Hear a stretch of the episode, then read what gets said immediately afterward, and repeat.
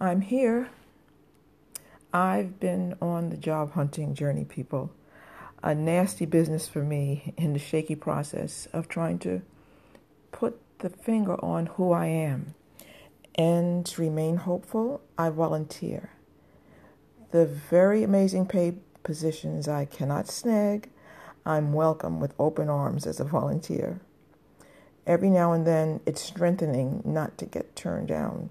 And volunteering, there's no cover letter to craft where you have to define yourself to the utmost. You have to kill it.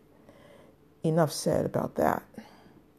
This particular day, I went to the library to hear a presentation from a volunteer organization.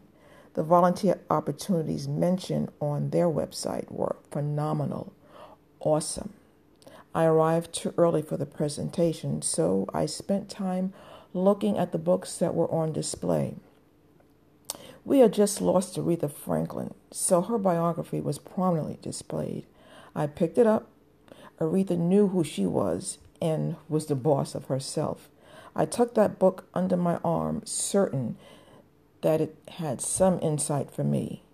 Also displayed was a book titled Becoming Beyonce becoming Beyonce. Surely it was a sign. She was almost a definition of self knowing. I took Aretha and Beyonce and checked them both out. I went into the conference room. The presenter from the volunteer organization was setting up the conference table. A young woman came in wearing a sweatshirt, work pants, and boots.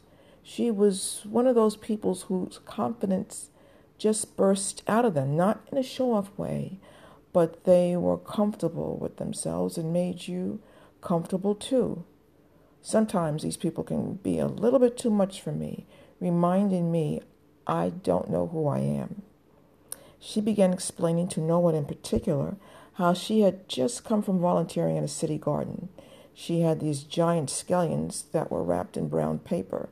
The dirt was still on the roots.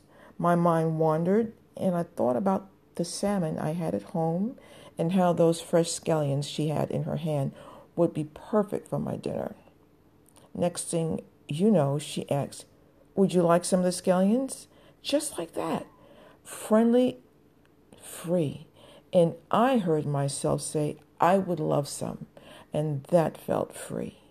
She took a good amount from her bunch and handed them to me with a big smile.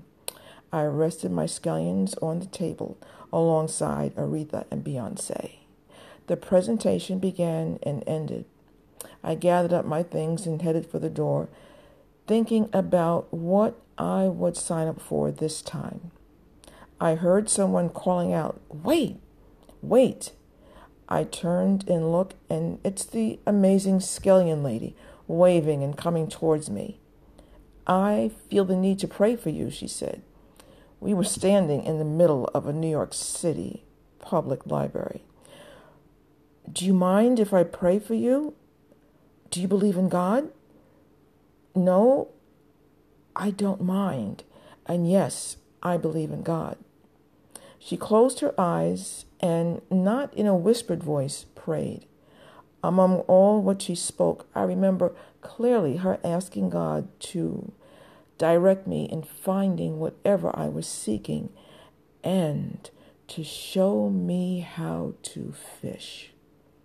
She smiled, gave me a quick hug, and dashed out the door.